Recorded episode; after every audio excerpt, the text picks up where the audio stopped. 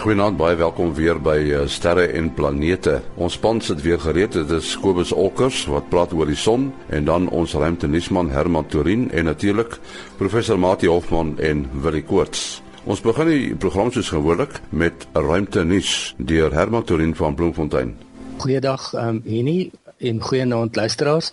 En wat moontlik 'n groot terugslag kan wees om veral aardtipe eksoplanete te vind, het nog een van die Kepler ruimteteleskoop se gyroskoopwiele onklaar geraak.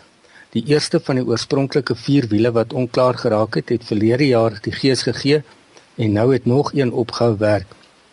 Die twee oorblywendes kan die teleskoop nie stabiel genoeg gerig hou nie. Kepler wentel sowat 60 miljoen kilometer bo die aarde en 'n sending om die probleem met ruimtewandeling reg te stel is nou buite die kwessie. Wetenskaplikes sal oor die volgende paar maande verskeie metodes gebruik om te kyk of hulle nog lewe in Kepler kan kry om tot sy verlengde beplande lewensduur tot in 2016 operasioneel te bly.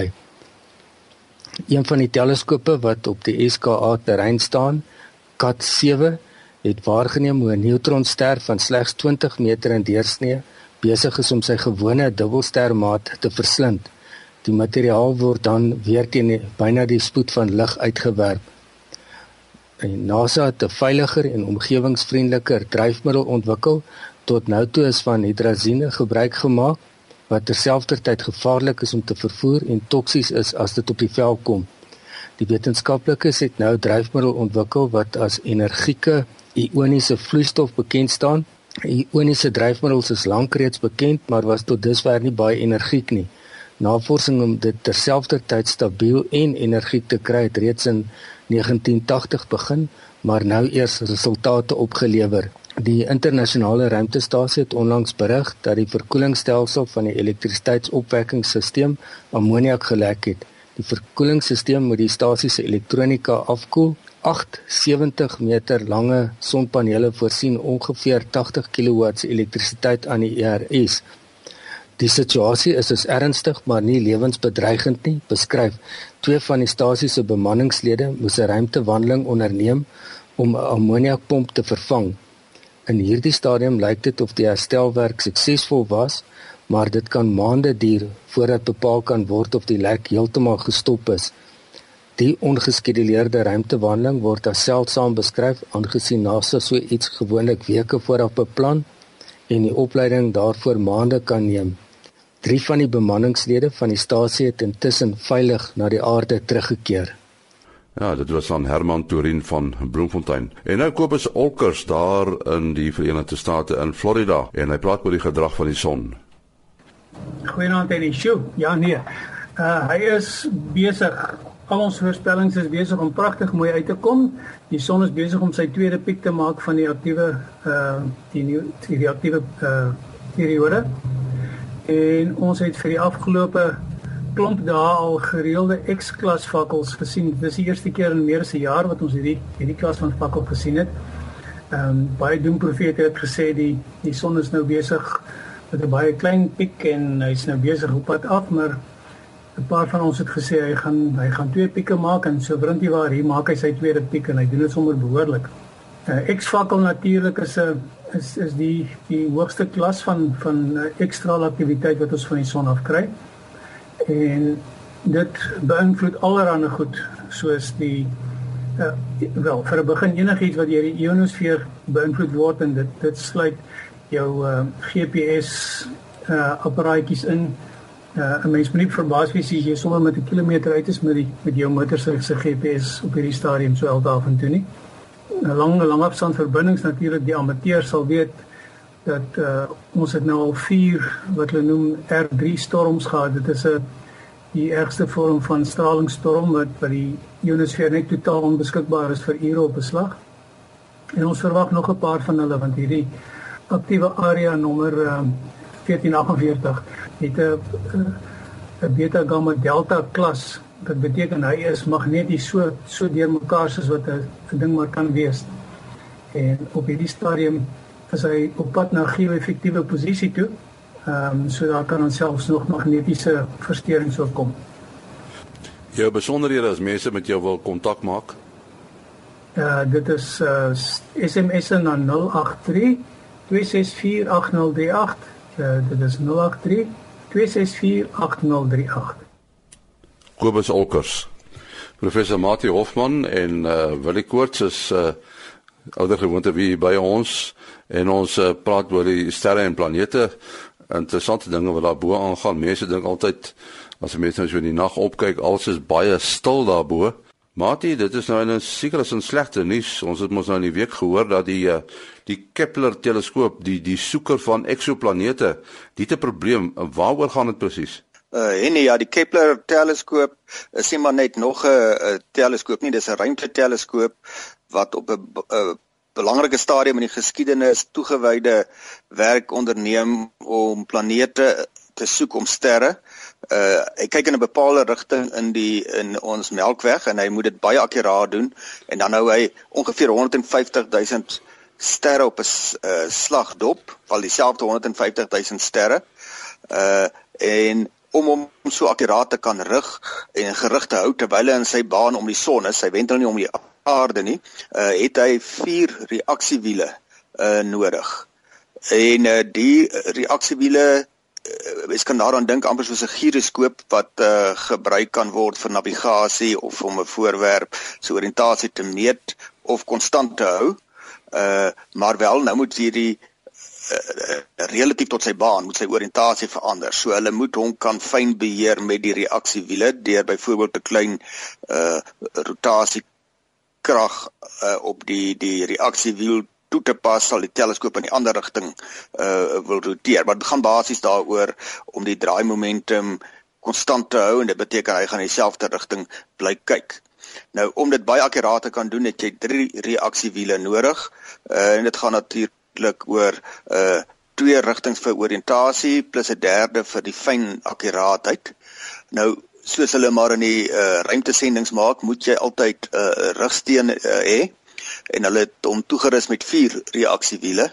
En uh laas jaar Julie het uh, die sogenaamde nommer 2 wiel het uh, uh buite werking geraak en nou het hulle ongelukkig aangekondig op 15 Mei dat die reaksiewiel nommer 4 nou ook buitewerking is. En dit beteken die Kepler teleskoop kan nie voortgaan met die werk waarvoor hy eintlik in die ruimte geplaas is nie.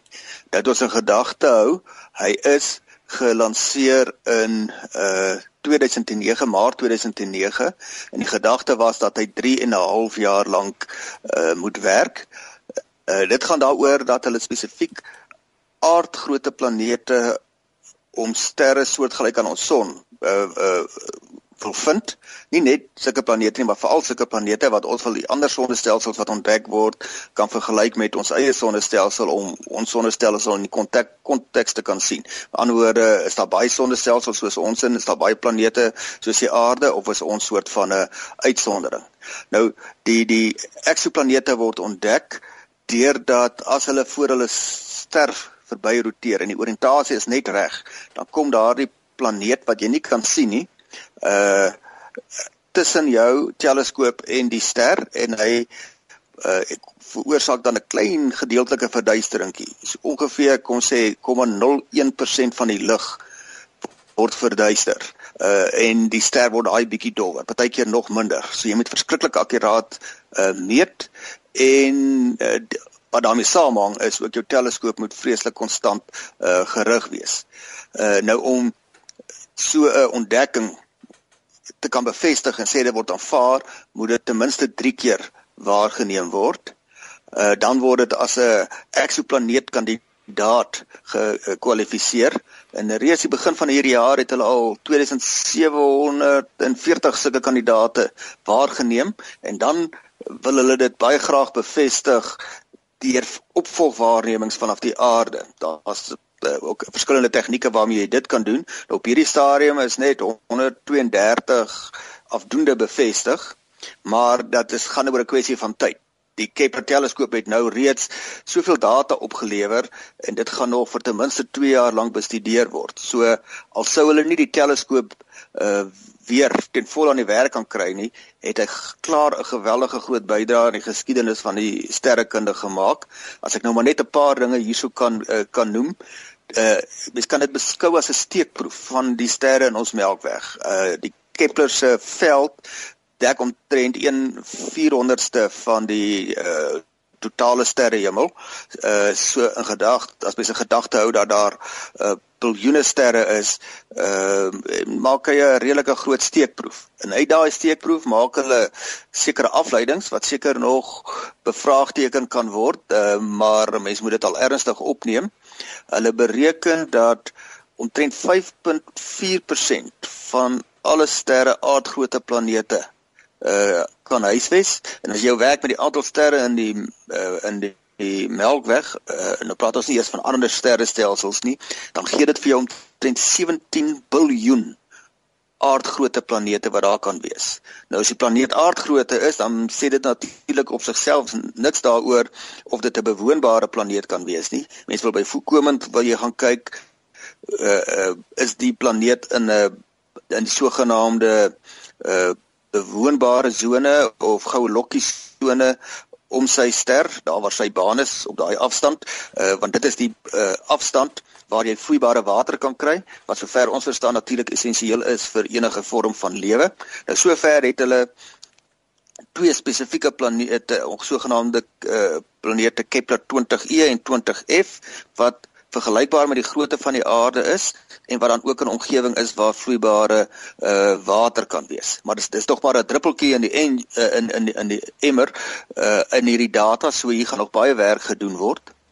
En nou lees ek hierso, uh, hulle gaan nie maklik moed opgee nie omdat hierdie sending so ver so suksesvol was. Hulle wil graag nog so ten minste 'n jaar by sy aanvanklike 3.5 jaar sending wat hy nou ongeveer bereik het, wil hulle nog voeg om juis hierdie aardgrootte planete op uh, die, die tipe afstand wat hom in die bewoonbare sone plaas om, om meer data daaroor te kan kry. So hulle wil eintlik net nog so 'n bietjie tyd hê. Hulle gaan hulle bes nou doen om die twee reaksiewiele wat dan nou nie meer werk nie, ten minste een van hulle aan die gang te kry. Nou nou lees ek hulle sê die uh, reaksiewiel nommer 2 het 'n kleiner probleem gehad as die uh, nuutste probleem. Dit was maar 'n kwessie van bietjie wrywing. Die smeermiddel het nie so goed gewerk nie en dit is metaal teen metaal wat roteer. En nou hoop hulle dat met die met die rus kon die smeermiddel om dit selfs weer so versprei dat die wiel uh, gaan werk. So hulle uh, sal daarna kyk of hulle hom weer kan aanskakel. Hulle gaan natuurlik baie versigtig te werk gaan om nie onnodige kansse te vat nie die reaksiewiel nommer 4 wat hulle gaan probeer is om hom te wikkel. Uh, dit moet jy nou op 'n afstand doen deur uh, opdragte op te stuur en dan sal hulle nou versigtig wees om bietjie die kant toe, 'n bietjie daai kant toe en as al die versigtige probeer sla, sla nie werk nie, dan kan hulle probeer om hom te forceer deur wat hom ook al laat uh, uh, vashak. Maar ek dink dit sal vir die uh, sterrekunde ongelooflike goeie gevolge hê as hulle hom nog so ten minste 'n paar maande aan die gang kan hou want dit gaan nou juis oor uh iets wat ten minste 4 jaar nodig om 'n planeet vergelykbaar met die aarde te kan ontdek en hulle is nie heeltemal daar nie. Uh Mati, wat weet jy van uh die komeet Ison wat lyk my volgens voorspellings redelik aanskoulik gaan wees? Uh, uh en nie sulke uh, vooruitskouings uh, maak mens opgewonde, maar met komete moet mens baie versigtig wees. Uh ek weet byvoorbeeld dat die kans dat ons aan die suidelike halfrond goed kan sien baie skraal is.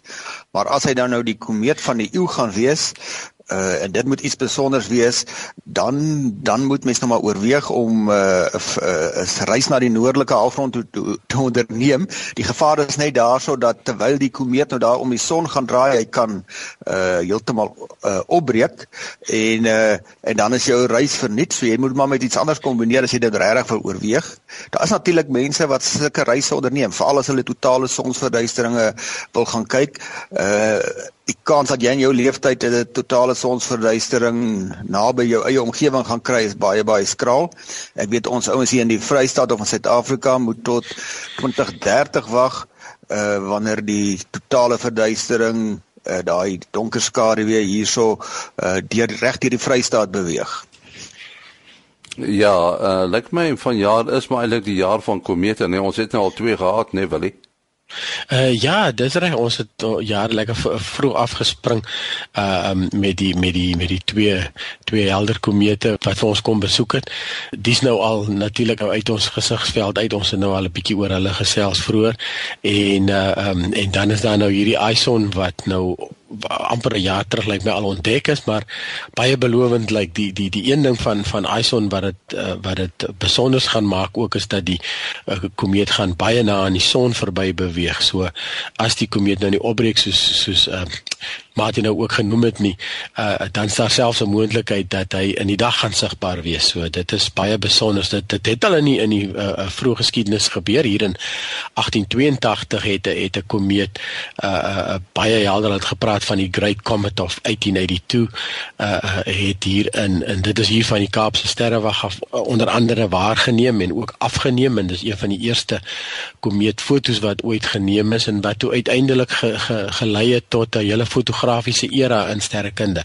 So uh, dit is interessant hoe die een ding lei tot 'n ander uiteindelik uh, as dit kom by hierdie goedes. Uh, ja, en nee, wil net nou gepraat van die twee helder komete wat hier verby is. Dit is natuurlik nou relatief. Die, die mense wat gewoond is om komete met teleskope te soek, sal nou reken dit was was helder geweest. Uh maar helder in die sin dat jy dit daarmee met 'n verkyker kon sien en dalk net net met die blote oog as jy geweet het waar om te kyk. Dit is in elk geval hoe ek dit hier beleef het uh in die omgewing waar ek my bevind. Ja, nee, dit is dit is korrek. Ja, ek ek het eintlik half uit die oog vergeet. Ons ons praat nou hier hier uh van van 'n meer 'n hardcore groepie. Dit is reg. Ja, vir die algemene publiek het het hierdie komete eintlik nie regtig iets beteken nie. Dit is baie waar. Ons het al gepraat van die klanke wat sterre maak, maar lyk my ruimtemanne maak ook klanke en dan sing hulle ook nog. Uh almal was nou redelik opgewonde as dit Hadley wat 'n uh, uh, liedjie gesing het in die, in die internasionale ruimtestasie en dit nogal 'n treffer geword nie. ja. Ja, ja, ongelooflik. Uh, uh uh ek het ook die skakel op ons op ons sterrenplanete uh, Facebook bladsy gesit so mense wat dit nou nog nie gesien het nie of uh, ja, van die mense het dit nou al definitief gesien. Alhoewel dit dit lyk vir my binne die eerste dag of wat het, het dit was dit al oor 'n miljoen uh uh is uh, kere wat mense dit op YouTube ge, ge, gesien het. Die uh, kom kommandeur Chris Hatfield uh, wat nou eintlik bekendheid verwerf het uh, met sy baie interaktiewe uh, publieke kuiertjie daar in die in die in die ruimtestasie in die internasionale ruimtestasie uh, 'n vreeslik getweet en getwitter en ge gefacebook en gewat ook al alles daarvan. Bo af so mense kon amper daagliks volg nou word hy sy tande en nou gaan hy dit doen. En dat doen uh uh um, het het nou vir oulaas uh, want hy's nou een van die persone wat nou uh verlede Dinsdagoggend uh kom land dit met met die Soyuz. Uh drie van die bemanningslede is nou terug op die aarde en um onder andere was uh kommandeur Chris Hatfield een van hulle. Ja so die die liedjie vir ons ouer garde uh kan uh, uit hierdie 1969 het ek gesien uh is die liedjie die eerste keer uh vrygestel en ek het probeer uit uitwerk want dit die maanlanding was lyk like my in Julie uh, in 69 en en die liedjie het baie na aan daardie tyd op die treffersparade, die Britse treffersparade oorspronklik want dit was David Bowie en en die liedjie se naam was Space Oddity en uh, as mense nou nie die as die naam nou nie 'n klokkie lei nie, uh, dan as hulle hoor van Major Tom, Major Tom wat die hele tyd gesels met die met die grond met ground control. En Chris Hatfield het nou 'n vreeslike oulike weergawe daarvan daarvan vir ons gegee gemaak uit die uit die ruimtestasie uit die eerste keer uh, wat uh, wat uh, noem dit nou maar 'n uh, 'n musiekvideo uit die ruimtestasie uit uh, vrygestel is as jy dit nou so wil noem ja ek werk nou net hier op die uh, heel onlangse uh, nuus item dat meer as 4 miljoen mense het nou al daar op YouTube, uh, YouTube uh, geluister na die video ja Nee, maar kom ons luister na so 'n kort stukkie daarvan, dan gaan ons aan. This is ground control to Major Tom. You've really the grade. And the papers want to know whose shirts you wear. But it's time to guide the capsule if you dare. Ja, so klink klanke uit die ruimte. Wil jy nou uh, iets heeltemal anders uh, die lekkasie wat uh, ontstaan het, dis 'n ammoniak lekkasie by die internasionale ruimtestasie. Dit kan nogal probleme veroorsaak. Ja, ja, want uh um soos met baie verkoelingsstelsels op die aarde uh wat uh, gebruik uh, maak gebruik van ammoniak gas. Um, um ons het nou in in die destyds freon gebruik en deesdae het ons al hierdie CFC gasse, uh CFC vriendelike gasse en en uh maar uh ammoniak is eintlik 'n baie ou manier uh en 'n baie goeie manier eintlik ek weet baie van die groot koelkamers waar uh, die uh vrugte gepak word en so aan. Al daai uh, verkoelingsstelsels gebruik gebruik ammoniak as as as hulle as hulle afkoelmiddel kan jy maar sê as hulle uh, hulle hulle uh, um, die gas wat dan nou wat dan nou uiteindelik die die uh, die werk doen. Die sonpanele van die uh, ruimtestasie wek amper 100 kW op en dit is geweldig. Ek meen dit is dis sommer 'n groot klomp krag en en daar's dan natuurlik elektronika wat moet afgekoel word en en binne temperatuur spek gehou word. Nou wat hulle vermoed het nou hier gebeur is dat 'n klein mikrometeoriet uh het het uh, uh erns een van die lyne of of iets daar getref uh naby die pomp uh, die ammoniakpomp wat dan nou uh, soos ons in die ou tyd die yskas uh, het pompe gehad met met 'n hele weierbandjie en alles uh um, so dit sal 'n so, soortgelyke installasie daar wees. Nou dis interessant dat dat mikrometeoriete uh tref maar gedurig die klas van goed ek ek onthou destyds met hierdie ruimte rommel uh, wat hier in die Boland geval het nou so 10 jaar terug of bietjie meer uh, uh is dit interessant geweest om die goed van naderby te bekyk want dit was 'n 'n deel van 'n vuurpyl wat nou 'n goeie uh, dekade of twee in die ruimte spandeer het. Uh, uh en uh, dan is dit interessant om te sien as jy dit met 'n vergrootglas begin um bekyk. Kan jy nogal duidelik sien uh, dit is klein kratertjies wat wat, wat daar sit so die, die ding is definitief maar jy kan nou sê okay dit dit gebeur met die met die inval in die atmosfeer maar in die meeste gevalle is dit maar uh, gewees uh, eintlik jy kan daai skade kan jy eintlik sien as varse skade kan jy maar amper sê. So terug tot by die by die uh, uh, internasionale ruimtestasie ja so hulle vermoed dat so 'n mikrometeoriet moes uh, dan uh, die uh, lekkasie veroorsaak in in hulle in hulle ammoniaklyn en uh, dit dit beteken natuurlik dat die dat hulle begin ammoniak te verloor.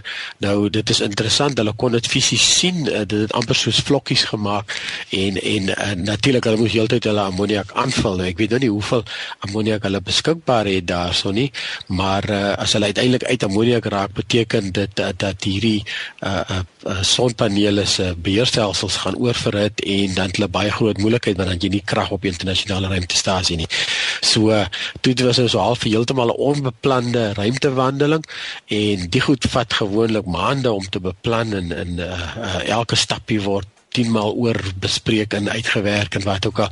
En in die geval het die dinge so 'n bietjie vinnig beweeg en dan nog wat twee dae voor die drie mense moes huis toe kom. Dit lyk asof dit nou nogal die die eerste aanduidings lyk asof asof dit goed gegaan het, daar nie 'n lekkasie is nie en uh, met ter tyd sal hulle dan nou sien uh uh met die deur die verbruik van ammoniak te monitor of of dit normaal is uh en of hulle dan nou die lek reg gekry het op die manier. So gelukkig uh met enige so stel stelsel sal jy natuurlik altyd onderdele aanhou en en dan het jy ook natuurlik die vermoë om op 'n ruimtewandeling te gaan uh uh en jy het natuurlik die regte gereedskap om dit te kan doen want jy het nou hierdie verskriklike ongemaklike handskoene ensovoorts. Uh so dit was dit was nou eintlik lyk like, uh, of dit 'n heel suksesvolle uh uh herstelpoging gewees het. Uh ja, ek het uh, opgemerk in die geval van hierdie uh bepaalde pomp waar die lekkasie lyk like, ons staan net al daarmee 'n hele paar sulke stelsels maar waar hulle nou al oor 'n hele tyd 'n uh, klein lekkasie gehad het. Hulle praat van trend so uh, teen 'n tempo van 8 kg uh van die ammoniak per jaar en dit skielik versnel na 8 kg per dag. So dit is baie vinnig. Uh, uh nou ek uh, sien in die ontwerp van die so van hierdie ruimtekompleks wat eintlik baie groot is, uh, dit sal 'n uh, hele rugbyveld vol en natuurlik nou nie elke vierkante sentimeter nie, maar die die die die span van die sonpanele is ver uit en hulle die een sonpaneel van kant tot kant is 70 meter lank en daar's 8 van hulle. So dis 'n noemenswaardige uh, projek wat hulle moet aanpak om buite die in die ruimte te kom en dan tot by die punt waar hulle moet gaan werk te kom. Dit nie tot ek nou gelees het oor hierdie voorval dat hierdie uh, pak waarmee hulle die ruimtewandeling onderneem om hulle natuurlik dan nou teen die uh, onderdruk te kan hou uh, want die ruimte is 'n vakuum en 'n mens se liggaam kan dit nie hanteer nie. Uh, het hulle hierdie sterk ruimtepak en moet hulle nog teen straling uh, beskerm en hulle warm hou. Maar daai uh, ruimtepak uh, het 'n massa van omtrent 100 kg. So dis blykbaar baie vermoënd en uh, ek sien een van die Russiese uh, bevelvoerders uh, wat met hierdie ruimtewandelings te, te, te, gemoeid is uh, sê na die tyd lyk dit of hulle uit 'n klein oorlog uitkom as hulle so 'n uh, ruimtewandeling en herstelproses uh, waargeneem het. En mens moet jou ook voorstel as jy nou na die foto's gaan kyk waar hulle in die ruimte werk, dis baie ongemaklike posisie. Hulle moet met hierdie groot handskoene werk en moet elke nou en dan kyk of die handskoen nie dalk geskeur het nie, want dit kan fataal wees uh, as daar 'n lekkasie ont, uh, ontstaan. Goed, ons moet ongelukkig afsluit. Wil jy jou besonderhede? Ja, 0724579208. 0724579208. Mati? Uh en die selfoonnommer 0836257154 en die mense kan ook met ons op die Sterre en Planete Facebook bladsy ge gesels. Daar het uh, wil jy ook 'n skakel na hierdie video uh opgesit so as hulle wil gaan 'n uh, bietjie luister en sien hoe hoe lyk dit. En uh, my e-posadres maas.henny@gmail.com. maas.henny@gmail.com. Tot volgende week. Mooi.